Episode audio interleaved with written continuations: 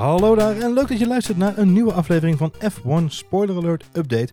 De podcast van Nummers.nl waarbij we je wekelijks even bijpraten over het laatste nieuws in de wereld van de Formule 1.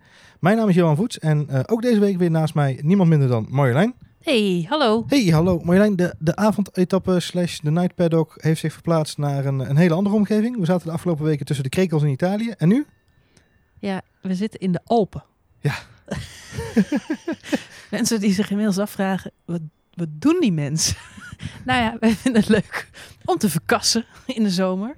Om eens uh, vanuit het buitenland te werken en een beetje vakantie te vieren. En ondertussen een podcastje op te en, nemen. En nu zijn we neergestreken in de Alpen. En dat bevalt goed. Alleen we hebben nu uh, cowbells. Uh, ja, gotta have more cowbell. we, zit, we, zitten op een plek waar uh, over een week of twee, als ik me niet vergis, er een grote serie mensen op twee wielers voorbij komen. Tour de France maakt hier een aantal etappes. Ja, Tour de France komt hier vlakbij in de buurt. Dus misschien kunnen we daar nog even een speciale aflevering aan wijden. is ook een soort gemotoriseerde sport, maar dan anders. Ander type fans volgens mij. Ook dat denk ik inderdaad, ja. Hey, um, volgens mij uh, hebben we een hele hoop nagepraat over de afgelopen overwinning van Max Verstappen in Oostenrijk. Uh, deze week kijken we even terug naar het nieuws van deze week wat belangrijk was. Um, moeten we toch nog even terug naar Oostenrijk. En dan met name uh, het debakel op het gebied van strategie bij Mercedes. Mm -hmm. we hebben het daar al uitgebreid over gehad in onze vorige aflevering. Heb je nog niet geluisterd? Check die zeker eventjes. Um, het was de derde keer dat het dit keer meer, dat het dit zo misging bij Mercedes. En Toto Wolff heeft aangegeven in een uitgebreide verklaring dat er niks hoeft te veranderen aan de strategische aanpassingen van Mercedes. De aanpak. Ja, de aanpak. Niks aan de, de aanpak. Oké, okay, dat heeft hij gezegd? Ja, hij was, uh, uh, zijn, zijn, zijn letterlijke woorden waren: er zijn geen veranderingen nodig, want we weten wat er anders moet gaan bij de volgende keer. En dan denk ik, daar zit toch in beklonken dat je zegt: er moet iets anders. Ja, maar kijk, even terugkomend op vorige race. Wat ik denk dat er gebeurd is. Uh, Bottas is uitgevallen. En in de consternatie zijn er gewoon niet snel genoeg beslissingen gemaakt. De ja. andere twee teams hebben alleen maar hoeven reageren. Die zagen, ha, virtual safety car, hop, twee auto's naar binnen. Bij Mercedes waren ze een soort van toorn. Want ze zijn niet gewend dat er ooit een Mercedes kapot gaat. Mm -hmm. Dus die, die mensen, Toto Wolf en iedereen die daar in de box en op de pitmuur zit, die hebben echt met stomheid geslagen naar het scherm zitten kijken. Zo van, hé? Een auto kapot van ja. ons? Nou, dat kost dus al 30 seconden voordat je dat verwerkt hebt. Nou, ondertussen stonden die Red Bulls al met z'n tweeën binnen. Ja. Nou, het heeft dus allemaal... nee, maar ik maak er een beetje uh, belachelijk verhaal van. Maar ik denk wel dat het mee heeft gespeeld. Dat het gewoon... Het is gewoon een menselijke fout. Er ging een auto kapot. Er was even verwarring. Ze hebben zich niet gerealiseerd dat andere teams meteen allebei de auto's naar binnen gingen halen. Want zij waren heel erg in dubio. Moeten we nou Hamilton dan nu naar binnen halen? Uh, maar dan valt hij terug achter de nummer, nummers twee van die andere twee teams. Ja. En ze hebben zich niet gerealiseerd dat de twee auto's tegelijk naar binnen zouden komen. En toen waren ze eigenlijk al 1-0 achter. Toen konden ze niks anders meer. Dus het is gewoon een menselijke fout. Dus ik ben wel met Toto Wolf eens. Je kunt het eigenlijk niet aanpassen, want het valt niet te voorkomen. Nee, het is, het is, je zit niet ver van de analyse van Toto Wolf zelf al inderdaad. Die gaf keurig terug. Toto Wolf en ik. Two, two great lijn. minds. Ja, Think alike. Eén lijn. Echt, uh, Wolf en Marjolein is gewoon één. Uh, de, de Wolfpack noem ik zo ook. Ik ben zijn Niki tegen zijn Lauda. Twee gezichten, één formule. Um, nee, Toto Wolf heeft zelf ook aangegeven inderdaad dat, hij, uh, dat ze ongeveer een halve ronde hadden om alles te berekenen. Nou, een halve ronde in Oostenrijk is ongeveer een seconde of uh, 40, mm -hmm. 42 mm -hmm. misschien. Dus nou, dat zie je niet heel erg gek op die halve minuut die je net had. Um, uh, en dan, ja, ze kwamen gewoon niet snel genoeg uit die berekening. En voor ze het wisten stonden er inderdaad vier auto's in de pitstraat. Yep. en waren ze het haasje onderaan de streep. Yep. Wat, wat mij opviel, waar we het ook over gehad hebben, was de, doc de Dr. Phil situatie met James Vowles, het hoofdstrategie van, van mm -hmm, Mercedes. Mm -hmm. Um, die natuurlijk nog even op de boordradio kwam om zijn excuses aan te bieden. Ja. Een stukje group therapy moment. Group therapy. Som sommige sporters hebben dat nodig. Ja, het, Lewis was... Hamilton met zijn parapluutje heeft dat nodig. Hebben jullie die foto gezien? Eerder deze week is er een foto verschenen van de. er wordt voor elke race wordt het volkslied van dat land uh, afgespeeld en alle coureurs zijn verplicht om daarbij aanwezig te zijn. En er worden ook foto's van gemaakt. En de foto van de Grand Prix Oostenrijk zien we alle coureurs op rijtjes staan, keurig in het gelid. En er is één coureur, eentje met een parapluutje. Parasolletje, ja. Boven zijn hoofd. Ja. Drie keer raden wie dat was. Het is Miss Hamilton zelf, ja. Nou ja, het, is, het zegt veel. Uh, uh, overigens, uh, we, we bitchen veel op, op Lewis. deze week op Twitter ook een aantal mensen. Ik postte die foto op Twitter en ik zei daarbij van deze foto zegt zoveel over de huidige Formule 1 eh, coureursveld. eh, zoveel tegelijkertijd. Ehm, Lewis en- Hamilton is een beetje de Brazilië van de Formule 1. Als je niet weet voor wie je moet zijn in de Formule 1, dan ben je voor Lewis Hamilton. ah, ja, ja. Brazilië heeft hetzelfde. Ja, ja, dat, zou zomaar kunnen. inderdaad, ja. Nou, vanavond misschien niet meer, maar dat terzijde. oh, Ehm, jawel. Iedereen blijft gewoon fan. Maar waar, wij zijn waar. stiekem voor de Belgen. Dat, Dus. dat is waar. Om Maar ze nou- vliegen er wel uit om- tegen Frankrijk. om nou Red Bull België te maken. Oh. Ehm, Andere podcast. deze metafoor gaat heel, deze hele moeilijke eh parallelle gedachte. Terug naar de rode draad. Terug naar de rode draad, die van Hamilton. Nee, we, we bitchen veel op Lewis Hamilton. Het doet natuurlijk niks af aan het feit, we hebben het in de vorige podcast ook al over gehad, het doet niks af aan het feit dat het een geweldige coureur is. De meest succesvolle coureur van dit tijdperk. Mhm. Ehm, wat we alle twee ook wel weer een beetje betreuren, omdat er een aantal eh, best wel klassieke records aan diggelen gaan. heeft gewoon de beste auto. Eh, nou ja, eens. Maar dat hebben alle topcoureurs altijd gehad. Dat had Senna ook met zijn, met zijn auto en, en Schumacher met zijn succesauto. Ehm, dus dat, is, weet je, het- we bitchen veel op Lewis Hamilton. Maar weet je, het, het- dat parapluutje zegt zoveel. En eh, ook deze week weer in de pers, Lewis Hamilton, grote mond. eh, want het team moet dingen gaan veranderen. En onderaan de streep zegt Toto Wolff dan, ja, nee, dag. Weet je, daar gaan we niet aan beginnen. Ehm, James Vowles kwam dus op, op de boordradio bij Mhm. Mercedes. Eh, Christian Horner heeft na afloop gezegd dat hij dat bizar vond Mhm. om mee te maken. En met name omdat James Vowles zich zo onder de bus liet gooien door Mercedes. Ja, Ja, en, en volgens Toto Wolff, eh, om het dan maar een beetje in diezelfde eh, uitspraak te trekken, liet hij zichzelf onder de bus trekken omdat het zijn eigen gevoel was. Hij wilde zelf heel graag eh, deze toespraak oh, geven. man, die mensen bij Mercedes drinken allemaal veel te veel kruidenthee. Dit moet echt ophouden. Drinking the Kool-Aid. Ja. Geen yoga meer. Geen kruidenthee meer. ja, het is wel- Geen Flow magazine. Het is gewoon afgelopen. Weg, weg met het jaarabonnement. Ja. Nou ja, het is, het is, eh, het is, het is wel, weet je, het is wel iets wat het team weer op scherp heeft gezet, misschien voor het komend weekend. Waar ze ook op scherp staan, mooi Mhm. bruggetje, is eh, bij het team wat dit weekend zijn thuis Grand Prix heeft, McLaren. We hebben dit, eh, in deze podcast veel over de top, de top drie teams. Eh, Mhm, mhm, Net daaronder eh, zitten wat andere teams. En dan daaronder heb je McLaren op dit moment. mhm. Eh, wat natuurlijk McLaren zelf ook helemaal niet prettig vindt. En dit week, of, sorry, deze week is bekend geworden dat teambaas Eric Boulier opstapt per direct. Oftewel, hij is er al niet meer. En dat er op de achtergrond wat veranderingen in het team plaatsvinden. Waaronder het aanstellen van Gilles de Ferrand. Of Ferrand, eh, als je het op zijn Spaans uitspreekt. Gilles, ja, of Gilles de Ferrand. Als je het echt... eh, ja, Gilles. Weet je, ja, Gilles. eh, Gilles, kijk maar even. Als de nieuwe sporting director. Ehm, eh, en nog wat andere taakverdelingen binnen het team. Mhm, mhm. Ehm, volgens Boulier was het de tijd om de verantwoordelijkheid te nemen naar de tegenvallende resultaten. Hij had heel lang de hoop dat het natuurlijk net de nieuwe Renault motor een stuk beter zou gaan. Mhm. Maar ja, McLaren valt natuurlijk heel zwaar tegen het afgelopen jaar. Om heel eerlijk te zijn, op dit McLaren komt op mij over echt als een schip zonder kapitein. Het is gewoon stuurloos. Ik weet niet, ik hoor alleen maar Alonso. Die, die, die, ja, die, die is eigenlijk woordvoerder slash teambaas slash coureur slash alles. Ja, klopt. Ja, en eh, nou ja, Stoffen van Doornen die zit erbij. Die denkt, nou, ik rij in elk geval in de Formule 1. Dus, eh, En we, sp- we spelen halve doe wel finale. mee. Ja. en we spelen half finale. Maar ehm, ja, het voelt als chaos. En ik, ik heb niet het idee dat ze het echt op de rit krijgen. Nee, er was veel kritiek deze week. Ook onder andere ehm, oud-topdesigner John Barnard. eh, die verantwoordelijk was voor al die jaren 80 topauto's van McLaren. Mhm. die, die, die is nog heel dicht bij het team betrokken. Is intussen 72 jaar oud, maar nog steeds heel erg betrokken bij de sport. En die gaf ook aan, er is op dit moment gewoon helemaal geen leiding. Alle mensen die rondom het team hangen, zeggen het, het is een compleet leak of leadership. eh, lack of leadership, sorry. Eh Zack Brown. Ook een leak. Ja, Luke Leak. Loek. Ehm eh, Zack Brown wordt gewoon, weet je, wordt daarvoor toch een beetje verantwoordelijk gehouden. Ook voor het feit dat hij gewoon de boel niet op de rit krijgt. Ehm, en jij zegt al terecht inderdaad, eh, er zijn ook heel veel mensen die zeggen, welke rol speelt Alonso binnen het team? Eh, Mhm. we hebben het al eerder gehad over het feit dat hij nogal van de politieke spelletjes is. Eh, en deze week kwam ook een beetje naar voren dat er een hele hoop mensen denken dat Alonso stiekem het team daadwerkelijk runt. Omdat die de Ferrand, dus de nieuwe sporting director, ook een oude bekende van Fernando Alonso is. Namelijk de persoon die hem heeft geholpen in de IndyCar. Wat ik, eh, kom ik toch nog heel even terug op uh, Koen Vergeers een eh, boek. Goed boek, Max Mania. Goed boek, Max Mania. Derde druk intussen. Hij sponsort ons niet om hem elke keer te noemen in deze podcast. Maar het is toevallig een boek wat ik recent gelezen heb. Een van de dingen die hij zegt, dat is dat de meest succesvolle teams en de meest succesvolle coureurs in de geschiedenis van de Formule 1 het voor elkaar kregen om een team te bouwen rondom een coureur. Neem een Schumacher. Alles werd om Schumacher heen gebouwd. Zelfs de tweede man in het team werd om Schumacher heen gebouwd. Wie past er het beste als tweede coureur naast Schumacher? Jij bedoelt dat Ruben Barrichello gebouwd is? Is Nou, gewoon- Ru- die Rubens bestond niet Barrichello was de perfecte tweede man. Ja, ja. Eddie Irvine niet. Eddie Irvine, die, het leek gewoon even alsof hij met de titel er vandoor zou gaan toen Michael Schumacher's been brak. Maar dat was niet de bedoeling. Want de Messias, Michael Schumacher, was naar Ferrari gehaald om Ferrari terug te brengen naar de top van de Formule 1. Dan kwam ineens die Eddie Irvine die dacht, hé, hey, dat doe ik wel even. Dat was niet de bedoeling. Ging gelukkig ook niet door. Mika Hakkinen werd wereldkampioen voor de tweede keer. Ander verhaal.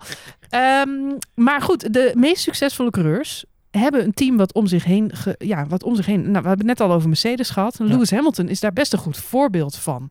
Ehm, maar niet eh, ten koste van natuurlijk.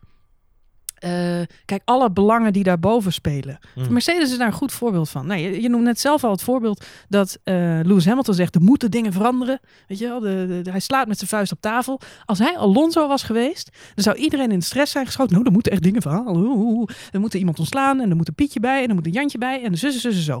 Dat, dat is volgens mij bij McLaren aan de hand. Bij Ja. Mercedes, hè, alles is gebouwd om Hamilton het naar zijn zin te maken. Hij heeft zijn pieetje altijd naast hem lopen met zijn zonnebrilletje en zijn petje. Hij heeft allerlei mensjes die drankjes voor hem halen en zijn wieltjes aanschroeven en alles voor hem regelen. Hij is echt de superster, zo wordt hij behandeld. Maar onderaan de streep zegt Toto Wolf, we gaan niks veranderen. Hm. Dit was een menselijke fout. Eh, we blijven op de koers zitten, et cetera. Toto Wolf, Niki Lauda, die weten echt wel wat ze doen. En die laten zich niet ringeloren door eh, Lewis Hamilton. Maar dat is- en maar dat dat, is- laatste heb ik wel een beetje het gevoel bij McLaren. Dat, dat, dat is eigenlijk ook wat jij al zegt en wat dus ook eh, John Barnett, de oude zijner, zegt, is een, een lack of leadership. Want dat is gewoon dus geen, leider die daarvoor kan gaan staan. Want ik denk dat ook in de tijd van Ferrari en Schumacher en eh, eh, Hamilton nu bij Mercedes, dat zijn teambazen die natuurlijk wel voor hun coureur De- konden gaan staan. Ja, maar de angst regeert. En dit hangt natuurlijk ook voor een groot deel samen met waar komt het geld vandaan. Hm. Follow the money. En in dit geval is eh, McLaren natuurlijk voor een heel groot deel afhankelijk van volgens mij een hele rijke oliesjeik, eh, Mhm. allerlei moeilijke mensen. Ja. Nou ja, en, en daar moet je dan weer goed mee kunnen vinden. En die oliesjeik heeft ook bepaalde wensen. En dat moet dan, nou ja, dat, dat uit zich op deze manier. Kijk, en als je geen mandaat hebt om een team te leiden op de manier zoals jij dat voor je ziet, dan, nou ja, dan kun je daar geen sterke leider eh, krijgen of neerzetten. Ik kan me ook niet voorstellen dat iemand nu wil solliciteren op de functie teambaas bij McLaren. Nou ja, die hebben ze dus nu al. Dat is die, Ik wil het wel doen. Ja. Lijkt me leuk inderdaad, ja. Zeg Fernando, doe die pet even af. Eh, overigens werd Fernando Alonso er deze week ook mee geconfronteerd in de persconferentie. eh, waarop hij zelf zei, eh, jongens, hou op, schij uit. Ik heb heel veel vertrouwen in Zack Brown. Ik had heel veel vertrouwen in Bollier. Mijn rol is het besturen van een auto. Dat is het enige wat ik doe. Ik, het zou mij toch niet, als ik jou zo ook hoor, ik ben wel een beetje dezelfde mening toebedeeld. Het zou mij niet verbazen als hij wel degelijk meer te bepalen heeft achter de schermen dan op het eerste oog misschien lijkt. Ja, hoe los je dat op? Niet? Nou, waarschijnlijk lost het probleem zich vanzelf op als Hamilton, eh, sorry, Alonso volgend jaar eh, inderdaad naar de IndyCar vertrekt. En dan is er ruimte voor een nieuwe coureur. Dan ben je in elk geval van de diva Alonso, Alonso af. Het is natuurlijk wel zo dat McLaren een IndyCar team zou willen starten. Dus dan heb je, Ja, goed. Dan zit je weer in hetzelfde schuitje. zou die dan Zack Brown meenemen. Gezellig. Ja, er wordt ook nog wat als hij bijvoorbeeld bij Honda wil gaan racen of zo. Ik denk ook niet dat ze hem daar zomaar een stoeltje aanbieden. Heeft hij toch een beetje verprutst, ben ik bang. Maar goed, ehm, dus ja, nee, eh, problemen lossen zichzelf op. Ik vind het wel heel sneu, want McLaren is het team waarmee Mika Hakkinen ooit wereldkampioen werd. Is een van de oudste Formule 1 teams. Zeker. Heeft een roemrijke eh, geschiedenis aan Formule 1 coureur- eh, eh, wereldkampioenen. En was gewoon altijd een van de drie topteams. Niet het- altijd, maar is het, dat, is, ruimte. dat is ook iets wat weer kan terugkeren onderaan de streep. Ja, dat kan. Maar ja, me- de- Mercedes heeft het natuurlijk overgenomen. Dat zelfs, zelfs de kleuren, zeg maar, de zilverpfeilen zijn nu van Mercedes. Mhm. Die waren vroeger van McLaren. Ehm, ja, het heeft gewoon niet meer dat wat het vroeger had. En dat is echt een kwestie van wie wordt de volgende eigenaar, waar komt het geld vandaan, Ja. wie levert de motor. En eh, Nou ja, dat laatste is natuurlijk een ding wat ze al opgelost hebben. Dat, daarom zeg ik van, ik heb er wel vertrouwen in. Als ik kijk naar Red Bull. eh, eh, ook Max Verstappen zegt vandaag ook weer, hè, in een interview met Motorsport Magazine, dus niet motorsport.com, maar Magazine, heeft hij laten weten dat de overstap naar Honda voor hem relevant is, omdat Honda een, eh de Volvo gaat en zegt van, we gaan een motor maken speciaal voor Red Bull. En Max Verstappen zegt, en ik, ben, ik heb heel veel vertrouwen in de, het chassis wat we hebben, in de auto die we hebben. We hebben de beste auto op dit moment qua Antwerp. Alleen we missen paardenkracht, we missen motorvermogen. En bij Renault hebben ze ook aangegeven, ja, we kunnen niet omgaan met de exorbitante wensen van Red Bull. Eh, deze week heeft Ja. Cyril Abiteboul dat nog laten weten. Ja. We, we zijn blij dat, dat we klaar zijn met de, de, specifieke wensen die Red Bull vaak heeft. Ja. Vanwege aerodynamica en andersoortige oplossingen die ze bedenken. Dus ik denk dat als je kijkt naar McLaren, wat daar nu ontbreekt, is misschien echt een goed chassis, want dat is het probleem op dit moment. Mhm. Want de motor die ze hebben is dit jaar natuurlijk wel dikke prima. Ik bedoel, Sainz en Klopt. eh, eh, eh, Red Bull laten natuurlijk gewoon zien. Sainz en Hulkenberg en Red Bull laten natuurlijk gewoon zien dat ze er prima mee uit de voet kunnen.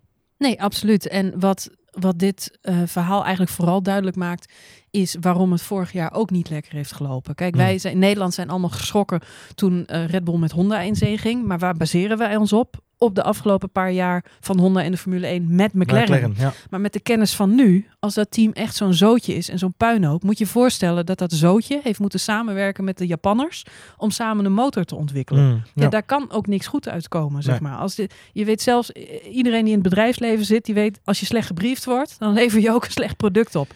Nou ja. Dat, dat, dat geldt hier waarschijnlijk ook. Die, eh. die kans is wel aanwezig. ja. Dus eh, we moeten er echt eh, op hopen dat de technici van Red Bull en de knappe koppen bij Honda veel beter gaan samenwerken dan dat ze ooit met McLaren hebben gedaan. ik, zie, ik zie onderhandelsstreep McLaren niet zo snel verdwijnen Formule 1. Jij wel?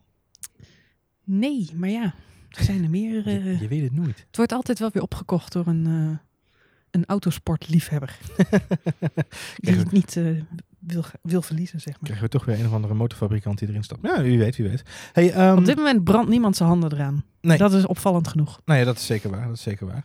Als we kijken naar eh, het rijdersklassement en de punten, dan, dan zien we dat McLaren daar natuurlijk eh, niet super goed bedeeld staat. Alonso heeft het lange tijd natuurlijk wel best wel goed gedaan, de eerste Mhm, paar mhm. wedstrijden.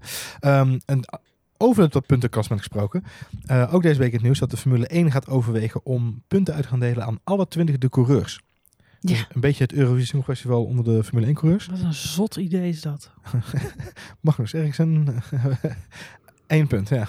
Ja, ik vind het... Nou goed, het is een beetje hetzelfde als bij het voetbal. Eh, toevallig, we zaten eerder vanavond naar België-Brazilië te kijken. Ja. Toen kregen we het even over Marco van Basten. Wat die nou precies doet bij de eh, FIFA. Die is Hmm. daar CTO, technisch eh, eh, Chief Technical techni- tech- Officer. Chief Technical Development Officer. Ja, en die gaat daar dus over innovatie in de sport. Nou Ja. weet iedereen in voetbal wordt niet zoveel geïnnoveerd.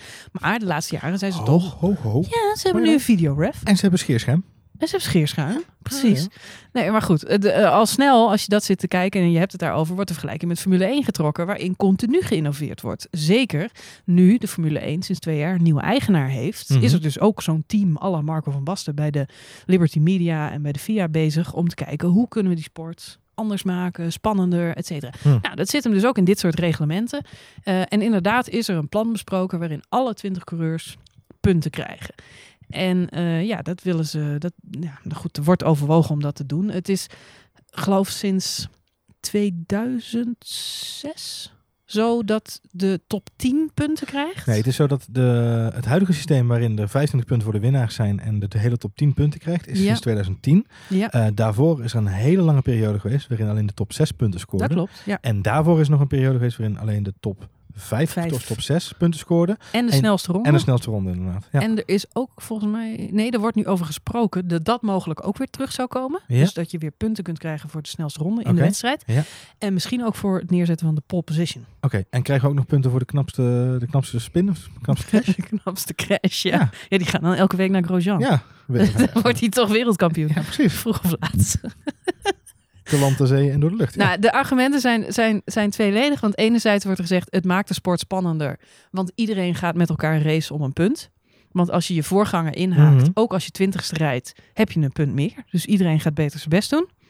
Eh, het tegenargument is dat er nu heel erg gevochten wordt door coureurs in de achterhoede om in die top 10 te komen. Ja. En dat laatste, daar ben, daar ben ik het hardgrondig mee eens. Mhm. Want ja, één punt voor de, degene die op drie ronden achterstand over de finish komt. Ik Ja. vind dat echt slappe hap. Ja. Echt. Waar, waar ik sowieso bang voor ben. En de win, weet je, als Lewis Hamilton terugvalt en die, heeft, en die staat achteraan, of Vettel, we hebben het laatst nog gezien in, in Zuid-Frankrijk, helemaal achteraan moet hij opnieuw beginnen. Nou, die vecht zich een weg naar boven, omdat hij zoveel mogelijk punten nog moet sprokkelen. Ja. dat doet hij ook als hij op elke plekje een puntje pakt, maar het is toch minder spannend. Vanaf Hmm. plek 10 zeg je, hé, hey, hij zit weer in de punten. Klopt.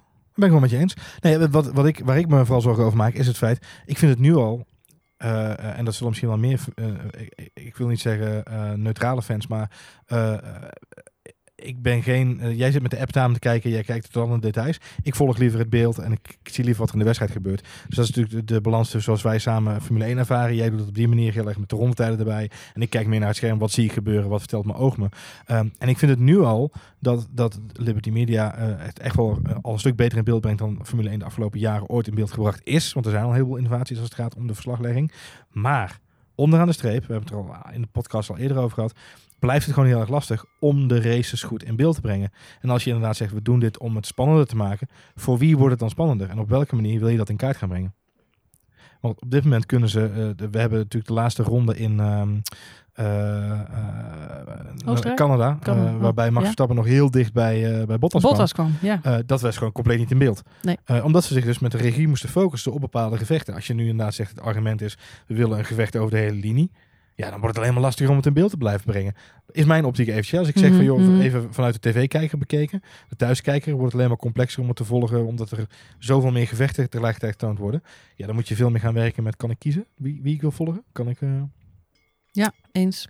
Dus dat is even een andere, ander nadeeltje. Ik, ik heb het niet nagerekend, maar ik kan me ook voorstellen dat. eh, kijk, er zijn coureurs die risico nemen en, eh, en, en, en die, die crashen of die vallen uit of et cetera. Maar er zijn ook coureurs die rijden gewoon stevast, weet ik veel, plekje zes of zeven of zo, of, of, of tien of weet ik. Maar Ja. dat die dan meer punten krijgen door, door altijd daar te finishen dan, dan de coureurs die. Ja, ik heb nogmaals, Wis- ik heb wis- nee, we je zou het dus moeten narekenen met het, narekenen. met het huidige seizoen. Wiskundige volgers onder deze podcast. eh, volgens mij heb je daar een goed punt. Want volgens mij is het zo dat als je gewoon stabiel zesde blijft rijden, dat je dan een grotere kans hebt op wereldkampioenschap dan eh risiconemend eh, voor de winst te willen gaan. Ehm, Hangt wel vanaf hoeveel punten je krijgt. en wat voor auto je rijdt. Want als je de auto stabiel is, dan is het ook een ander verhaal. Je kunt wel stabiel 6 willen rijden, maar als je auto niet stabiel is, heb je nog steeds een probleem. Nee, het, het gaat ook niet gebeuren. Het maar maakt het, het maakt het een stuk lastiger allemaal. ik weet niet. Ik vind het niet dat het de sport spannender maakt. Het probleem, het probleem waar ik een beetje tegenaan loop nu is, en ik weet niet hoe jij dat ervaart als eh, wat langere fan dan, eh, dan ik zelf. Eh, jij hebt natuurlijk ook al in de jaren 90 veel gevolgd. Ehm, eh, ik vanaf begin deze eeuw een beetje. Wa- waar ik me aan stoor op dit moment is de, de ondoortastbare en onoverwinnelijke drang om maar te blijven innoveren en te blijven roepen ook in de pers dat ze willen innoveren. Mhm. Eh, nu dit weer, de motoren moeten anders al vanaf volgend, of nee, de- volgend jaar. De aerodynamica gaat al anders Mhm. vanaf 2019. Vanaf 2020 en 2021 worden de motoren alweer aangepast. De chassis moeten anders. De budgetten moeten naar beneden. De tv's moeten groter. eh, de camera's moeten kleiner. De coureurs moeten er andere hoedjes op. Eh, ik weet niet wat ze allemaal bedacht hebben, maar... ze- op een gegeven moment moet je voor jezelf ook... Kijk, we hebben het net over voetballen. Zeg van, er wordt te weinig ge- geïnnoveerd. Een van de redenen waarom daar zo weinig in geïnnoveerd is, denk ik... eh, en dit is meer eh, eh, borrelpraten dan dat het doordachte wetenschappelijk eh, onderzocht is... eh, is ook omdat de manier waarop voetbal in beeld gebracht werd... de manier waarop voetbal bedreven werd, als Mhm. sport beleefd werd... ervoor gezorgd heeft dat het zo'n grote aanwas aan fans heeft kunnen vergaren. Mhm.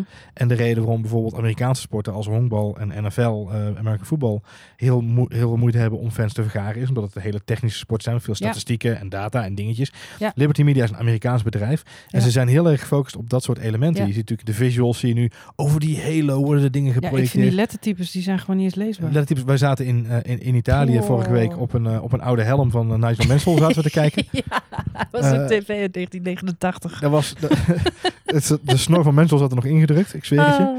Ehm, eh, maar ik denk, ik denk serieus dat ehm, eh, als je op dat tv'tje had gekeken, dat het gewoon niet te zien was. dan was het niet leesbaar en geweest. ehm, het probleem is gewoon dat, eh, weet je, maak er niet te veel een computergame van. En eh, als je wil zorgen dat je meer fans aantrekt, dat je het voor een breder publiek interessant maakt, misschien moet je dan niet beginnen met constant alles willen omgooien. Want nu gaan we dus al een periode tegemoet in deze sport van 2018, 19, 20 en 21, waarin Mhm. elk jaar de Ja. sport gaat veranderen. ik, vind het, ik ben het helemaal met je eens. Ik vind het sowieso niet goed Daar wil ik graag mee afsluiten. Marjolein van om te veel te... Ik nou, heb, ik, ik heb, het, zegt ik heb het, het op band, klaar. Jij zegt het net, maar ik moet denken aan sporten als eh, hockey of zo. Wat je dan, eh, of, of volleybal, wat jij zelf eh, beoefend hebt. Ja. Dat je dat dan op een Olympische Spelen, zo eens in de vier jaar, fanatiek kijkt. Om, ik hou van sport, dus dan kijk. En dan zijn, er, dan zijn die regels ineens weer allemaal veranderd. Ja. En dan, dat, dat, ik voel me dan zo stom. Dan denk ik, nou ja, laat me zitten. Dit mag niet meer. Ik weet het ook niet. Met hockey heb ik dat heel erg. Dat ik denk Ja. van, nou, ik, ik heb vroeger zelf nog in het grijs verleden gehockeyd. Maar zoals ik hockeyde, dat bestaat niet meer, zeg maar. Dus ik zit nu naar een sport te kijken die ik dacht te kennen. maar ik ken hem niet meer. En ik snap het, die sport wordt sneller en et cetera, dus je moet wel bijstellen. Zo erg is nog niet, maar als je dat elk jaar gaat doen, zoals nu bij de Formule 1 inderdaad, eh, Nou ja, en, en in bepaalde gradaties. mensen, En- dan maken- raken mensen helemaal de, de draad kwijt. Ja, dat betekent misschien wel dat als we op tv niet meer kunnen volgen, dat ze wat vaker naar eh, de, de eh, banen zelf toe gaan, circuit zelf toe gaan.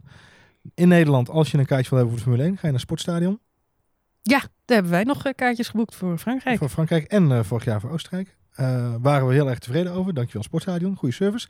Vanaf volgend jaar is dat Motorsport Services. Ja, ik las een klein berichtje vandaag op motorsport.com dat ehm, Sportstadion, het Nederlandse ticketingbedrijf voor de Formule 1 onder andere, is opgekocht door motorsport.com. Ja, opzienbarend, maar Dat niet helemaal een, toch? eh, Ze hebben vorig jaar ook een dienst overgenomen, vertelde jij toch? Ook een, ook een, Ze hebben in mei al een andere Oh, mei, ticketing, ja. eh, tic- F1 tickets of ticket F1. Ik ben even de naam kwijt.com. Hebben Mhm. ze ook al overgenomen. En de doelstelling is dat motorsport.com, voor de mensen die het niet weten, is ongeveer de grootste uitgever op gebied van eh, alle autonieuws in de wereld. Dus Ja. ze hebben niet alleen Formule 1, maar ook NASCAR, Le Mans, alles. alles. Ongelooflijk. Eh, ze zitten ook in tigduizend landen. Er is een Nederlandse versie van de site. Eh, er is, ik volg zelf altijd Engelse, omdat hij het gewoon sneller heeft. En Ja. eigenlijk echt alle Formule 1 nieuws. Het wordt door velen beschouwd als misschien de beste Formule 1 site, omdat zij alles wel als eerste hebben. En Ja. zij zijn eh, ja, ontzettend aan het uitbreiden. En een van die uitbreidingen is nu dat ze dus ook in de ticketing willen. Motorsport Experiences heet dat bedrijf. En eh, zij willen onder andere Sportstadion nu gaan uitrollen naar 21 landen. Fantastisch nieuws. Voor Nederlandse... Voor Nederlandse ja. ondernemers. En eh, ja, ja, complimenten. echt Hebben- iets om trots op te zijn. Hebben, hebben de, de jongens en meiden daar hard voor gewerkt. Uh, Motorsport.com, eh, mensen die onze podcast luisteren, kennen dat, die site natuurlijk ongetwijfeld, ga ik vanuit. Ehm, eh, als je het niet kent, duik er eens in. Met name ook het hele ecosysteem wat er omheen zit aan eh, beeldbanken die ze ook hebben. Ze hebben eh, sites met historische eh, foto's die je kunt eh, bekijken. Ze hebben echt eh, de jaren 60 tot en met eh, 2000 hebben ze zo'n beetje alle Formule 1 foto's zo'n beetje in een archief staan. Het is een fantastisch breed netwerk. Ze zijn heel breed bezig. En ik vind het te gek dat een Nederlands ondernemerschap daar eh, mag waarschuwen. Ik vind het echt heel cool. Overigens, BBC Sports heeft Ja? ook een goede Formule 1 site. Zeker. Dus voor mensen die eh, Misschien moeten we een keer een, eh, nieuwste- een, een, een, een lijstje, een gewoon- lijstje maken lijstje van de beste maken. Formule 1 sites. Ja. Goed, goed, goed idee. Gewoon, en dan doen we dat met een nummers erbij en dan doen we zo'n artikeltje. Goed leuk, idee. leuke dingetje van deze Zal ik site moet je volgen. Oh ja? Ja, gek ja of je even op. Eh, iedereen even noteren, Marjolein. Eh, heeft, Maakt iedereen, een artikeltje. heeft iedereen zijn eh, F1 spoiler notulen bij de hand? Ja? Heel goed. Dankjewel. Check het binnenkort op numrush.nl. Hey, even vooruitkijken op aanstaande zondag. Wij zeiden in de vorige Grand Prix de laatste Grand Prix op Silverstone. Daar zaten we een beetje naast, want Ja. er is er volgend jaar nog eentje geboekt. Kunnen we dus Ehm, alsnog. Kunnen we alsnog, misschien via Sportstadion. Motorsport Experience. Via Motorsport Experiences. Hey, ehm, eh, eh, dit is nu vrijdagavond. We kunnen spreken van een slechte aftrap van Max Verstappen in, eh, eh, op Silverstone. Ja, het lijkt een beetje een ritueel te worden. Dat hij met de vrije trainingen even tegen de boarding parkeert. Maar hij gaf zelf aan, hij was zijn harde banden aan het uitproberen. Ja, is gelukt. Ja, die- Die gaan we niet meer gebruiken. ik, ik moet zo lachen, want hij, hij, hij zegt ook in zijn Insta-stories... Hij heeft bijvoorbeeld laatst Frankrijk, was voor het eerst dat hij daar reed. Ja. Dus hij heeft zich helemaal suf geoefend op die simulator. Dat doet hij natuurlijk de hele week naar een Grand Prix toe. Zit hij alleen maar zo'n race op de simulator te rijden. Het aantal tests is ook heel erg ingeperkt. Dus coureurs mogen helemaal niet meer zoveel in het echt rijden. Dat is allemaal veel te duur. Dus die zitten de godganse dag in de simulator. En bij Max is het echt zo. Die komt gewoon de pits uit. Die mag voor het eerst, zeg maar, het echt voelen. En gewoon als een jonge puppy. schiet hij er meteen vanaf. Maar dat komt volgens mij ook door het vertrouwen wat hij heeft opgebouwd in zo'n simulator. Dat hij denkt, het kan wel. Maar dat kan dus niet. En dat geeft maar aan Ja. dat bandjes en asfalt echt een hele bepalende... En temperatuur en al die andere Al die facetten... andere factoren, ja. die je pas tijdens het raceweekend zelf weet... nog steeds heel bepalend zijn voor de sport. En dat is denk ik wel een learning voor Max. Nou, volgens mij was dat een, eh, een, een test van eh, Red Bull. Was het Red Bull? Ik weet niet meer. Er was, was een team eh, en die hebben in Canada volgens mij hebben ze hun e-sporter hebben ze in de, de simulatorrijder hebben ze in de Formule 1 auto gezet. Want die, Mhm. reed, die reed al, al maandenlang stond hij. eh, volgens mij was het Red Bull in de simulator heeft hij rondje gereden in die auto. En nu mocht hij een keer in de echte auto het- de baan op en dat ging niet helemaal. Dat is toch Zoals het hoorde. Nou ja, andere zijn rondetijden waren, volgens mij is hij niet gecrashed, maar zijn rondetijden waren niet helemaal zoals het hoorde te zijn. Het is natuurlijk een hele andere ervaring. Het is veel, veel rijker. Eh ander leuk eh, Max nieuwtje wat ik deze week nog las. in Hetzelfde interview waar ik net naar refereerde in Motorsport Magazine. Haalde die even uit eh, met een knipoog overigens naar Fernando Alonso. Want hij werd gevraagd van, joh, ambieer je ooit om de, triple, de Triple Crown te gaan najagen? Dus Mhm. Formule 1, eh, dat is dan eh, eh, Formule 1 wereldkampioen. wereldkampioen. eh, de 24 uur van Le Mans in- winnen. En, en de Indy, En de 500. Indy 500. Ja. Nou, dat, daarin liet hij keurig weten. Misschien later, als ik oud en sloom ben geworden. Ja, maar daarmee kan hij ook naar zijn eigen vader verwijzen. Nou, want zijn vader heeft natuurlijk ook meegereden op nou, de dat, bal. is- dat is grappig dat je dat zegt. Want dat gaf je inderdaad. Hij, eh, het was natuurlijk de, kop, de, de prikkelende kop boven het artikel. Eh, hij ging daar keurig op in. Hij zei, eh knip ook naar Fernando Alonso. Hij zegt, het is heel simpel. Fernando Alonso is een wereldkampioen, is een vechter, is een winnaar. Eh, rijdt nu al een aantal jaar in de Formule 1 op een plek waarin hij geen kans heeft om te winnen. Dus Mhm. dat hij iets ambieert waarin hij weer kan gaan winnen, kan ik me heel goed voorstellen. Dat hij dat Ja. in Le Mans gaat zoeken, dat is te gek en dat is een heerlijk gevoel, kan ik me heel goed voorstellen. Ik herken het van mijn eigen vader, die hetzelfde had. Die zat op een gegeven moment ook eh, between a rock and a hard place. Ja. Eh, daar waar er eigenlijk niks te winnen viel, niks te verliezen viel. En die is dan ook Le Mans gaan rijden. En, eh, eh, en ja, dat had natuurlijk hetzelfde verhaal. Dus eh, ja, hij maakte de knipoog wel, wel helemaal rond, om het zo maar te Ik zeggen. begrijp het ook wel. Ook als je naar Le Mans kijkt, dan zie je inderdaad veel oud Formule 1 coureurs. Maar het zijn ook veel coureurs die nooit echt de top hebben gehaald. Of, of een beetje Ja. in de subtop zijn blijven hangen. Dus ik kan me wel voorstellen. En ik denk dat geen coureur de overstap maakt naar zoiets vanuit een winnende positie. En Formule 1 is echt het summum. En als je dat eenmaal bereikt hebt, je ziet het nu aan Lewis Hamilton, zo'n triple crown, dat interesseert hem geen fuck. dat is wat Max, Max Verstappen ook zei in zijn kijk naar Lewis Hamilton, die zit gewoon in een winning vibe. En die Ja. wordt gewoon wereldkampioen en die heeft daar niet eens de aandacht voor. joh. Die wil er niet eens naar kijken. Nee, het is voor mensen die, nou, heeft Max goed geanalyseerd. We gaan eh, van Triple Crown naar het einde van onze triple header, zoals dat zo mooi heet. Mhm. de, de drie wedstrijden achter elkaar. Ehm, verwacht jij dit weekend, eh, eh, eh, even terugkomend op Oostenrijk, we kunnen dit weekend, hoeven niet zoveel te verwachten van Grosjean. Die ging er ook verrassend, alweer vanaf. verrassend vierde in, in, Austra in Oostenrijk, in, in Austria. En nu in de eerste training gelijk al zijn auto geparkeerd en zo beschadigd dat hij gewoon niet meer in actie komt tot morgenochtend. Als deze podcast live komt. Ehm, dus ik verwacht eigenlijk van, van de Hazen niet zo heel veel dit weekend. Verwacht jij dat Mercedes wel eh, volle bak terugkomt? eh, born to... eh, Ja, die gaan niks aan toeval overlaten deze, dit weekend. Dat Niet? is, nee, zo'n foutje van Mercedes, dat zie je, nou jij zei drie keer, maar je ziet het één keer per seizoen dat het echt heel erg is. Dat was twee jaar geleden met Rosberg en Hamilton, dat ze tegen elkaar aanklapten en dat Max de race won. Ja. Ehm, dus dat Mercedes deze. Mercedes wint, geloof ik, de afgelopen vier jaar op. eh, tenminste, Hamilton heeft de afgelopen vier jaar gewonnen op Silverstone. Hamilton is sinds 2013 ongeslagen. volgens mij. en volgens mij Ja. Mercedes daarvoor ook al. Ja, zeker. Ja. Dus eh, nee, dit is een circuit wat hun ligt. Eh, wat wel leuk is aan de sport, en daar hebben we het vorige podcast ook een paar keer al over gehad, dat is dat eh, we dit seizoen nog meer dan voorgaande seizoenen zien dat bepaalde teams goed zijn op een bepaald circuit. Dus treur niet, dit wordt misschien weer het weekend van Mercedes. Ja. Maar straks komen de races in Azië eraan. En dat zijn weer de Grand Prix waar Max het vorig jaar heel goed deed. ja en En de waar hij weer heel veel kans maakt. Hongaro-ring ook, hè? Dat zat, eh, Ja, Hungaroring, aangegeven. Spa komt er nog aan. Ja. Eh, Duitsland eh, ligt hem ook. Ja. Dus eh. Het zijn Nee. de circuits met, eh, met de vele bochten. misschien dat eh, wat wel grappig zou zijn, is als Bottas, die moet zich toch inmiddels behoorlijk kwaad maken. dat die is gewoon die Engelse Grand Prix afpakt van Lewis Hamilton. Dat zou heel grappig zijn. Dan is er wel iemand heel boos, denk ik. Denk het ook wel inderdaad, ja. Dus er moet er weer een therapeut langskomen. Zou het zijn. En vergeet Vettel niet, hè? Vettel heeft ook weer punten nodig. nee, ja, Die zeker. heeft eh, twee but races op rij. Ja. Dus die mag ook aan de bak. Nou ja, kijk, ik in denk, dat, ik denk dat de Ferrari veel aan gelegen is om, eh, om hun eh, constructeurstitel ook te verdedigen. Of hun voorsprong in ieder geval te verdedigen. Ze staan natuurlijk nu aan kop, samen met, door, de over, door de tweede en derde plek van Rijkoon en Vettel. Dus wel leuk dat er weer een race is dit weekend. Ja, het is wel grappig? Drie achter elkaar, heerlijk. Ja, eh, en, en aan de ene kant denk ik dan bij mezelf, we krijgen misschien volgend jaar, eh, eh, wordt er natuurlijk gesproken over uitbreidingen. Miami, Vietnam is al een keer genoemd als, als mogelijke optie. Mm. Deze week ook weer een hele hoop geruchten over Londen. Christian Horner begon daar weer over. Eh, omdat natuurlijk vanaf 2019 eh, Silverstone wegvalt en Horner gewoon vindt als Brit zijnde dat er een Formule 1 in Groot-Brittannië zou moeten zijn. Vind ik ook. Ehm, eh, wordt Londen dan weer genoemd. Ik, ik, ik vind het wel prikkelend als die kalender echt wat zou worden uitgebreid en je misschien wel naar wat meer van dit soort triple headers zou kunnen gaan. Ja, al moet ik zeggen dat de signalen die ik van de coureurs steeds krijg, en met name Max, dan is het dat zo'n Formule 1 seizoen echt slopend is. Ah jawel, maar ja. Ja. Slopend. Vergelijk het met die DJ's die, eh, die allemaal zo succesvol zijn. De Hardwells en de... eh, ik zit even niet in mijn Zit DJ's. je even in- je even Ik zit even DJ's op? niet in mijn DJ's. Maar ja, die gasten die vliegen de wereld over. Die leven echt een freaking ongezond eh, dag- en nachtritme. Ja. En die werken alleen maar. En die proberen dat... Nou ja, neem een Armin van Buren. Die probeert dat te balanceren met een heel normaal gezinsleven Ja. ergens hier in Leiden.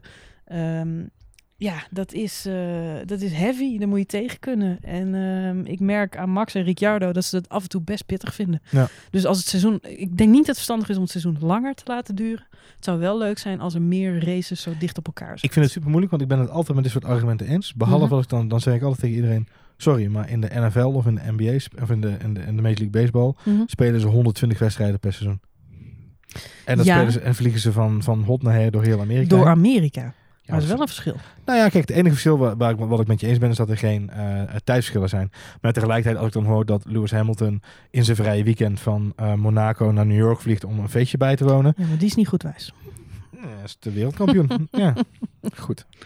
Doe je nog een voorspelling voor, dit, weer- voor deze week? Of eh, Eh, twee Mercedes en een Ferrari. twee Mercedes en een Ferrari? Maakt Ja. niet uit welke volgorde. Nee. Ah, ik ben helaas... Ik zeg Bottas 1. Ehm, eh, ja, eh oeh, Bottas 1. Als Bottas 1 wordt, dan wordt Hamilton geen 2. Als Bottas 1, Hamilton heeft iets van een issue. Vettel wordt 2, Hamilton wordt 3. ik, ik ben het met je eens, behalve dat ik Rijkonen op twee ga zetten. Ja, Rijkonen zou ook nog kunnen. Rijkonen maar is dan freaking nee. fire. ja, hij is on fire. Maar We gaan het zien. nee,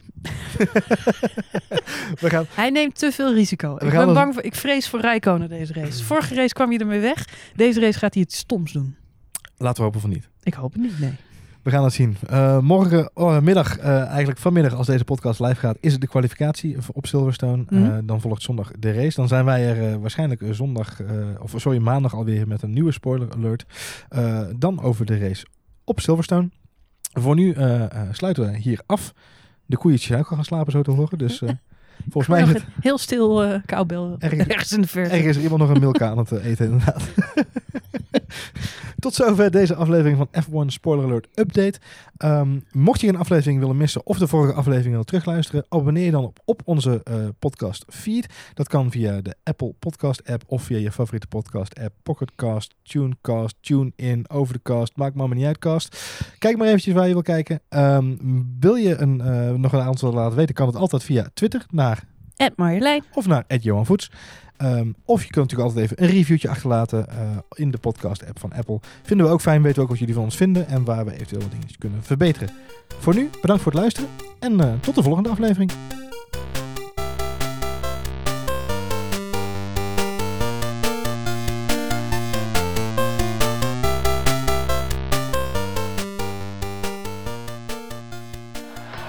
Guess what?